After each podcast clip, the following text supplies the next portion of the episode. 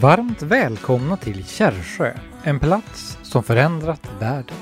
Både Tältmissionen och Hoppets Stjärna, med verksamhet i fem världsdelar, har sina världshögkvarter i den här byn.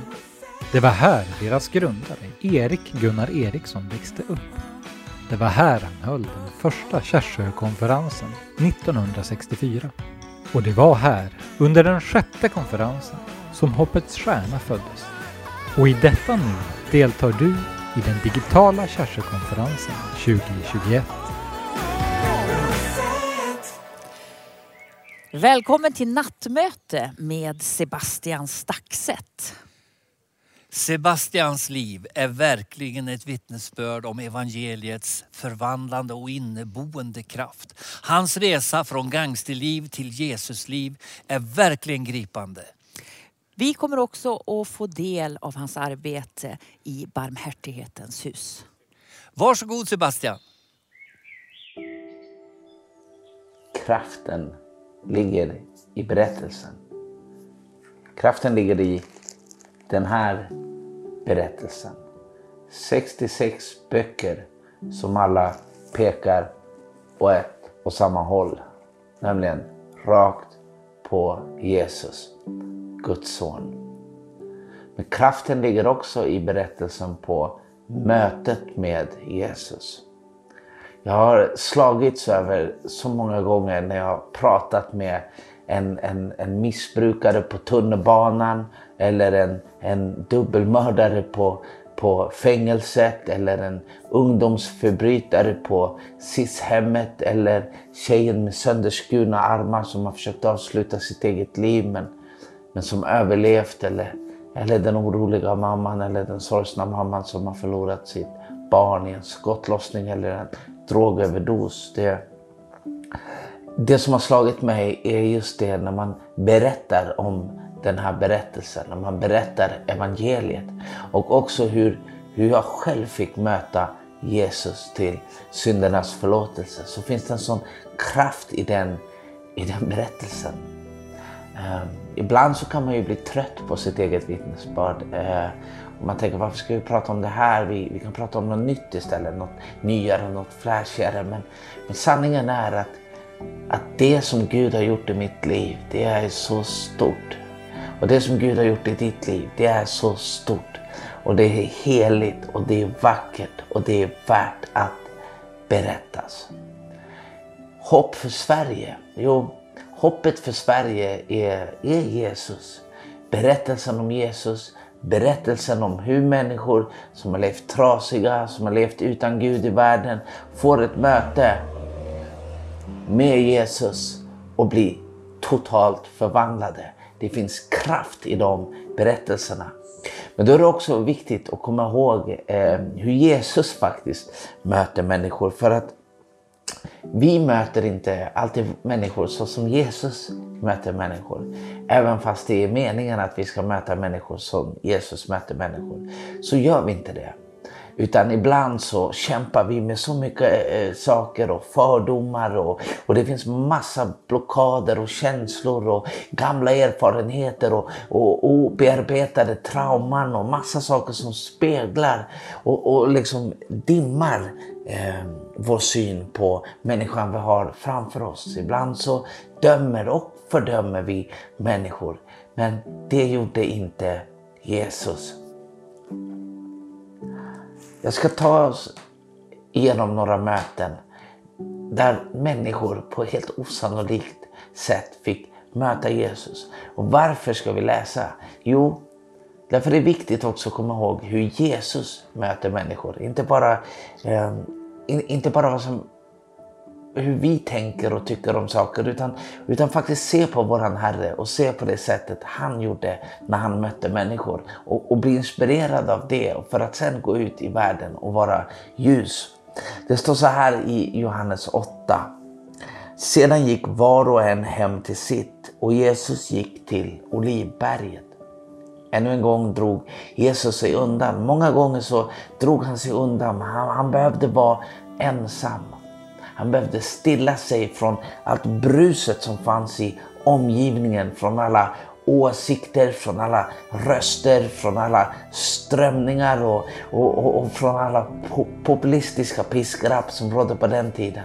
Han behövde söka sig till ensamheten. Han, han isolerade sig för att tydligare kunna höra sin faders röst. Det här är ett föredöme för oss, för det är någonting som vi också behöver göra. Ibland så tar vi allt för snabba beslut när, när det, världen trycker på och åsikter trycker på och, och vi tar inte den där extra tiden att, att lyssna in och fråga den heliga Ande, vad, vad ska jag göra? Höger, vänster, vilken väg ska jag gå? Eller ska jag stanna? Ehm, de, den tidiga församlingen, där rådslog de tillsammans med den heliga Ande. Det stod vi och den heliga Ande har beslutat. Eh, och, och, och, det är någonting som jag tror saknas många gånger och därför bygger vi egna verk som vi själva får driva i egen kraft och därför blir det fruktlöst och, och, och det kräver väldigt mycket kraft och, det blir krävande och man blir utmattad. Men, men när den heliga Ande får leda oss, när den heliga Ande verkligen får, får, får tala visionen inom våra hjärtan och vi får gå i Andens kraft med tro på den uppståndne då, då kan precis vad som helst hända. Det står så här, jag läser vidare från vers 2. Tidigt på morgonen var han tillbaka på tempelplatsen. Allt folket samlades omkring honom och han satte sig ner och undervisade dem. Då förde de skriftlärda och fariseerna dit en kvinna som hade blivit gripen för äktenskapsbrott och de ställde henne i mitten. Och de sade, Mästare, den här kvinnan greps på bar gärning när hon begick äktenskapsbrott. I lagen har Mose befallt oss att stena sådana kvinnor. Vad säger du du? De ville sätta honom på, på, på test, men jag kan verkligen se den här eh, hopen av människor upprörda. Det var en, en kvinna, en syndig kvinna som hade gripits från, för ett lagbrott. Och det stod att hon blev gripen på bar gärning men det var bara kvinnan som blev släpad och kastad framför Jesus fötter. Vad säger då du? Frågade den upprörda hopen eh, Jesus. Detta sade de för att pröva honom och få honom något att anklaga honom för. Men Jesus böjde sig ner och började skriva på marken. Jesus bara böjde sig ner och, och skrev på marken. Vem vet vad han skrev på marken? Eh, Reinhard Bonkes teori var att han skrev de tio budorden på, på, på marken. Eh, vem vet vad eh, han skrev på marken? Men just den här, kan ni se den här bilden framför er när den här folkhopen som kräver att ställa någon till svars. Och, och jag tänker på den tidsålder vi lever i när, när det är den här cancel kulturen, cancelleringskulturen. När människor eh, de är populära ena dagen och kastas i diket andra dagen. Och, och, när det är hetlevrade frågor så, så ska man attackera och man ska attackera och man ska attackera. Och det är en eh, hetsk stämning i, i de flesta debatter där vi lever i. Men Jesus han, han klev inte in i den här hetska debatten. Han satte sig ner, han, han chillade på, på marken och skrev på, på sanden. Och när de fortsatte att fråga honom reste han sig och sade Den av er som är utan synd kan kasta första stenen.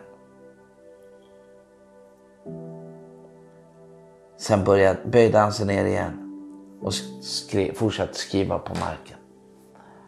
Den av er som är utan synd kan kasta första stenen. Det här var ju innan Paulus skrev Romarbrevet eh, och där det tydligt står, står att alla har syndat och saknar härligheten från Gud. Alla syndare, alla behov av nåd. Och sedan när han fortsatte skriva på marken, men när, tänk dig då när de hörde det här så började de gå därifrån en efter en. Den, det äldste först. Han blev lämnad ensam kvar med kvinnan som stod där. Och Jesus reste sig upp och sade till henne, Kvinna, var är de? Har ingen dömt dig? Hon svarade, nej herre. Då sade Jesus, inte heller jag dömer dig. Gå nu och synda inte mer. Så här mötte och möter Jesus människor som lever i synd. Ibland så när vi debatterar om, om människor som lever i synd så, så är det här inte riktigt den attityden som vi har utan det, det är enkelt att hamna i helt andra attityder. Ehm, det är lätt att bli hård i, i hjärtat men ett hårt hjärta det är inget eftersträvansvärt. Ett, ett hårt hjärta det är, ett hårt hjärta är lika med ett hårt liv. Ehm, den, den, den finaste kvaliteten hos, hos en lärjunge det är att ha ett mjukt hjärta, ett, hjärta, ett blödigt hjärta. Att ha nära till tårarna, nära till tacksamheten, nära till, till att prisa Gud när man ser att Gud gör någonting. När Gud möter en människa. När någon människa som lever i skuld och skam får uppleva syndernas förlåtelse. Att då känna ödmjukhet och, och tacksamhet inför det, det, det, det är någonting vackert, eftersträvansvärt. En, en mild och stilla ande. Det är någonting som är eftersträvansvärt. Ett annat möte som Jesus har är när han möter kvinnan, den samariska kvinnan vid Sykars brunn.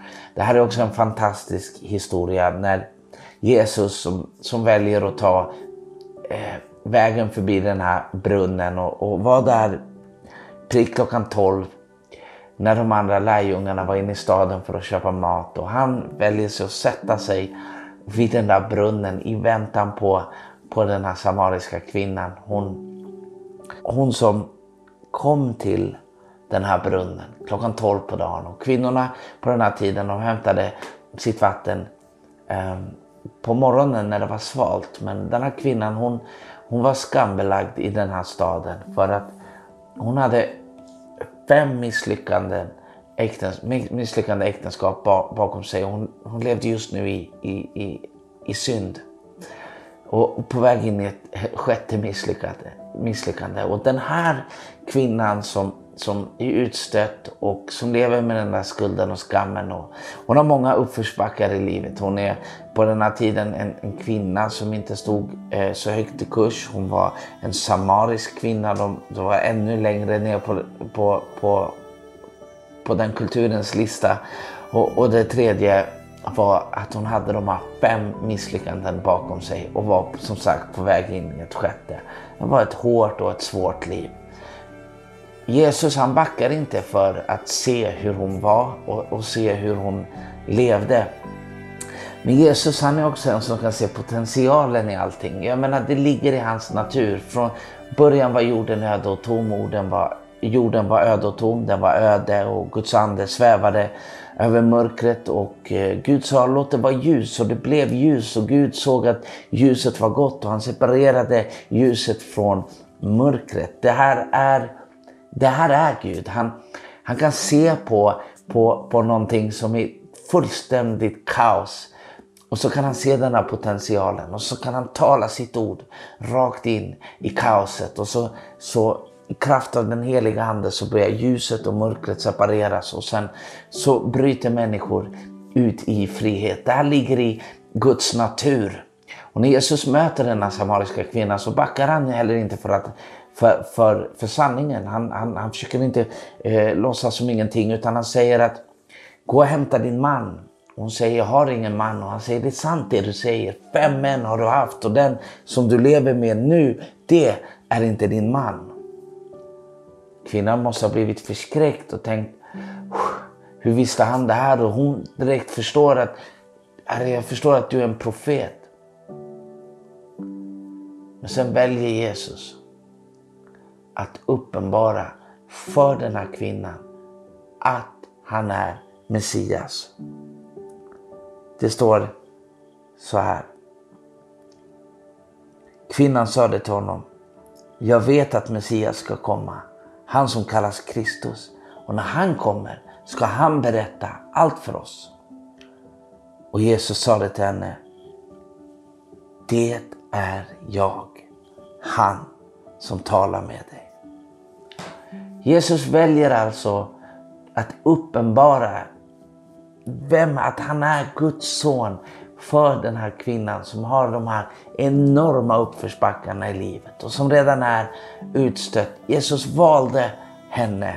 Det var ingen slump. Fadern, fadern dirigerade Herren Jesus i allt han skulle göra.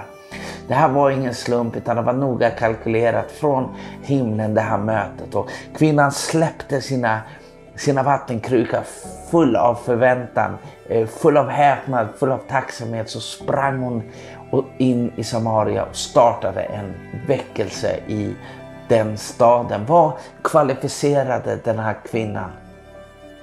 Ingenting annat än att hon hade haft ett möte med Jesus. Vad är det som kvalificerar mig att sitta och tala med er här idag i Skärsjökonferensen? Ingenting annat än att jag har mött honom och jag tror på honom. Han förvandlade mitt liv. Han tog bort stenhjärtat från mitt bröst. Han fyllde mig med hans ande. Han gav mig ett hjärta av kött. Han skrev hans lagar i mitt hjärta. Han gav mig kraft. Eh, allt förmår jag i honom som ger mig kraft. Han lärde mig att ingenting kan skilja mig från den kärleken som jag har i Jesus Kristus. Det han fyllde mig med kärlek. Han sa lämna allt, följ mig och jag gjorde det. Och, och tack vare att jag mötte honom så finns kraften i den berättelsen. Vet du en sak? att Det handlar inte om mig och det handlar inte om dig. Det handlar om Jesus. Och det handlar om hur vi mötte Jesus, hur vi känner Jesus. Och, och, när vi kan berätta allt om vad Jesus har gjort för oss, då finns det kraft i den berättelsen. Inte för att kraften vilar i oss, utan för att anden i oss älskar när vi talar om Jesus. Och därför bekräftar anden i oss med liv i våra ögon och eld i våra hjärtan när vi talar om Jesus, när vi vittnar om Jesus, när vi berättar om vad Herren har gjort i våra liv. Vi får aldrig glömma mina vänner att kraften ligger i berättelsen. Berättelsen om Jesus och berättelsen om hur vi mötte Jesus. Kraften ligger i berättelsen. Amen.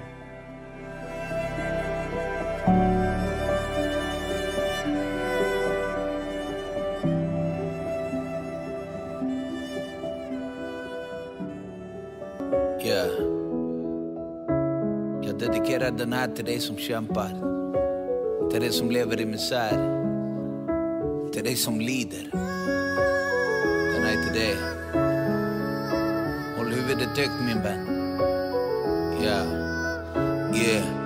Jag ser en nedmonterad välfärd, ett samhällsförfall. Parallella samhällen som Kumla och Hall. Klimatförändringar och djungeln är kall. Han matas gorillor med bananer av metall. Jag ser barn bakom galler medan vi faller. Helt tomma blickar, sitter inlåst på SIS. Två röda rosor och brinnande marschaller och ett fotografi på hon som inte längre finns. Hopplösa mammor, de är fast i systemet. Krabben på kryckor blev skjuten i benet. Det är så mycket trauma, så mycket misär och stora högar med kronofogdskuvert. Kofoten är där, Maxiflex handskar. Han plockar på sig tabben, han tänker han är askar. Och laddet är kvaddar, allt bakom pannan. Han är helt trasig, hur ska han ta sig samman? Sett så många vänner gå och, och dö unga. Smärtan hugger hårt när han blundar. Vaknar och jag tänker tillbaka allting som har hänt på min gata. Sett så många vänner gå och åter unga. När jag blundar hör jag änglarna sjunga. Och barnen när de faller ner. Misären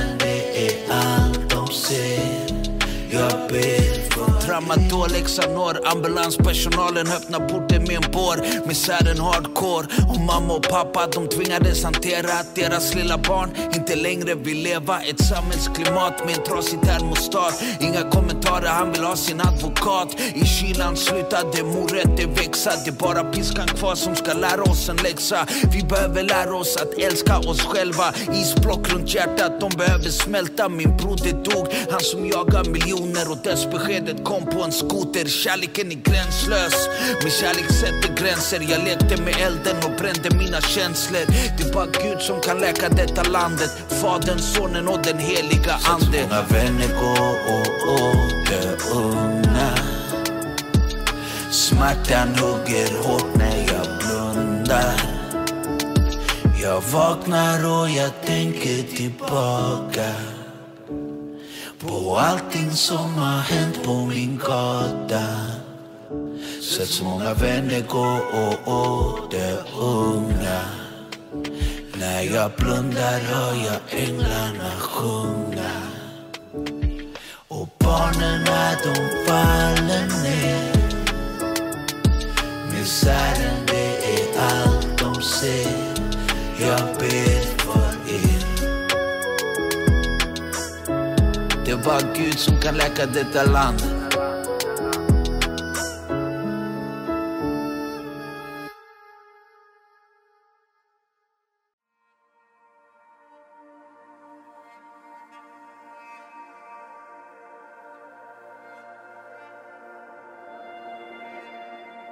Jag sitter faktiskt just nu på Barmhärtighetens hus, vårt nystartade omsorgsboende. Vi har varit tillsammans med tjejerna idag eh, och haft en underbar dag. De har lagat eh, god mat idag. Vi har haft undervisning utifrån ordet. Vi har ehm, talat om eh, dysfunktionella beteendemönster, dysfunktionella försvarsmekanismer kontra funktionella beteendemönster och, och, hur man, och, och funktionella beteendemönster och, försvars, eh, och, och, och, och försvar och hur man, ska, hur man ska bemöta svårigheter i livet på ett konstruktivt sätt. Det, det är, ett un, det är underbart arbete att vara här. Det här är eh, det vackraste jobbet som vi har gjort. Och jag tänker just att vi stod en dag och tittade på det här huset, jag och en pastor ute här ute på vägen. Och så sa han till mig, Sebbe, kolla här. Så pekade han på Barmhärtighetens hus, på de här tre stora byggnaderna i Östervåla. Och så sa han, ordet blev till kött. Och då tittade jag på honom och så sa jag, vad menar du? Och då sa han, jo, du fick ett ord från Gud, ett tilltal. Och kolla nu, nu står de här husen. Ordet blev till kött. Och det är en smått surrealistisk upplevelse att vara här, att se någonting som man har burit i sitt hjärta och som man har gråtit fram på sina knän. Ehm, och, och, verkligen önskat och hoppat att tänk om vi skulle ha en sån här plats. För du vet, efter alla kampanjer, efter alla gånger man, man åker runt på fängelserna och, och möter människor. Och, så man tänker, tänk om vi bara har en plats. För det, du vet, en, en söndag i veckan det räcker inte för alla människor. Det räcker inte för mig och, och det räcker inte för de tjejerna som är här. Många av de tjejerna som sitter här de, de har ju de har bränt alla broar i samhället. Det är liksom eh, socialtjänsten har mer eller mindre skrivit av dem och det finns inget hopp. Eh, men du vet, Jesus han har ju hopp för de här tjejerna. Han älskar de här tjejerna. Han ser potentialen i de här tjejerna. Och man såg redan på, på två veckor hur enorma mirakel började ske. Hur, hur de började profetera ut saker över varandra. Hur de började be. Hur de började drömma om att göra egna evangelisationskampanjer. Hur de ville fördjupa sig i ordet. Hur de kommer och rycker tag i oss när det blir för mycket verksamhet och sa Sebbe, vi behöver inte mer verksamhet, vi behöver mera Jesus. Man blir undervisad av dem. Just deras möte med Herren och, och, hur han befriar dem. Hur, hur de som har levt i droger och alkohol, de har inte haft sug sedan de kom hit. Och det, är, det är enormt, eh, enormt uppmuntrande. I, Johannes evangeliet kapitel 4 från vers 34 så står det, säger Jesus så här. Jesus sade, min mat är att göra hans vilja som har sänt mig och att fullborda hans verk. Säger ni inte fyra månader till och sen kommer skörden. Men se, jag säger er, lyft blicken och se hur fälten har vitnat till skörd. Redan nu får den som skördar sin lön. Han samlar in frukt till evigt liv. Så att den som sår och den som skördar får glädja sig tillsammans. Den som sår och den som skördar får glädja sig tillsammans. Tänk att det är så här att, att, jag, att jag tror vi står in, inför en social insatsväckelse hos Guds folk i, i Sverige. Det här projektet som vi, som vi driver här, det är ett trosprojekt. Eh, vi behöver mycket tro, vi behöver mycket nåd, vi behöver mycket hjälp. We are in over our head every day. Bara idag så, så kom beskedet om att vi måste byta tak, taket på herrgårdsbyggnaden och eh, ja, och vi fick en, en, en, offert på 500 000 och det hade vi inte räknat med. Och, och, och, driften på de här husen, eller på, på den här verksamheten, det är 4 miljoner per, per år.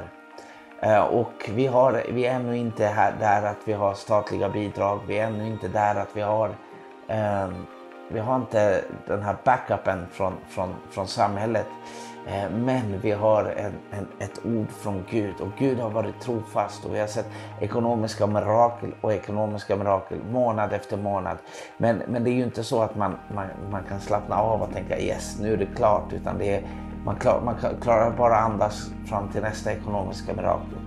Vi tror på eh, i framtiden att vi kanske blir, får bli upphandlade, att vi ska få ekonomiskt stöd och vi tror att, att evidensbaserad verksamhet det, det, det, det genererar stöd eh, både från, från kyrkan såklart men också från civilsamhället, från, från näringslivet och eh, även från kommun och, och stat. Det, det är vad vi vill tro. Vi vill tro att det finns hopp för Sverige. Vi vill tro det bästa om vårt land. Men vi är här, vi, gör, eh, vi jobbar, vi har kavlat upp armarna och vi är beredda att göra ett, ett hårt arbete. Men nu så skulle jag ödmjukt vilja fråga er om, om ni skulle vilja hjälpa oss.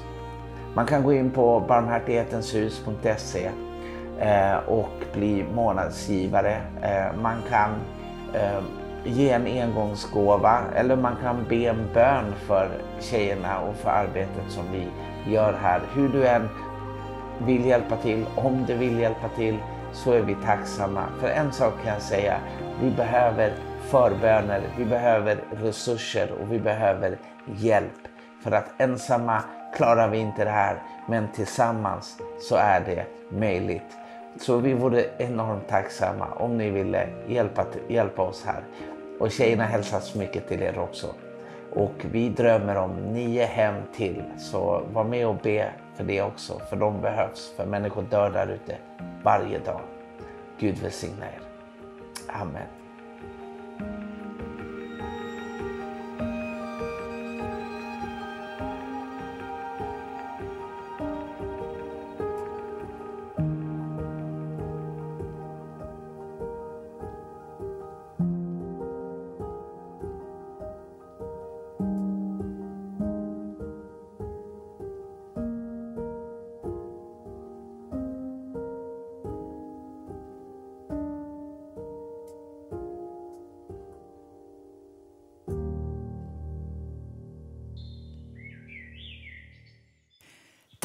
Sebastian Staxet. Och imorgon så kommer vi att få möta Ingemar Hellner. Vem är det Lennart? Ingemar Hellner är en välkänd evangelist och pastor som har jobbat mycket nära Tältmissionen och vår far Erik Gunnar Eriksson under flera år. Mm. Och vi kommer att få ta del av två bibelstudium samt en intervju som jag gjorde med honom. Jag gjorde profilen Ingemar Hellner. Mycket intressant. Och sen på kvällen då, då är det Lennart Eriksson som predikar. Men vem är det? Det är jag. Ja det är det! Ja, missa inte det.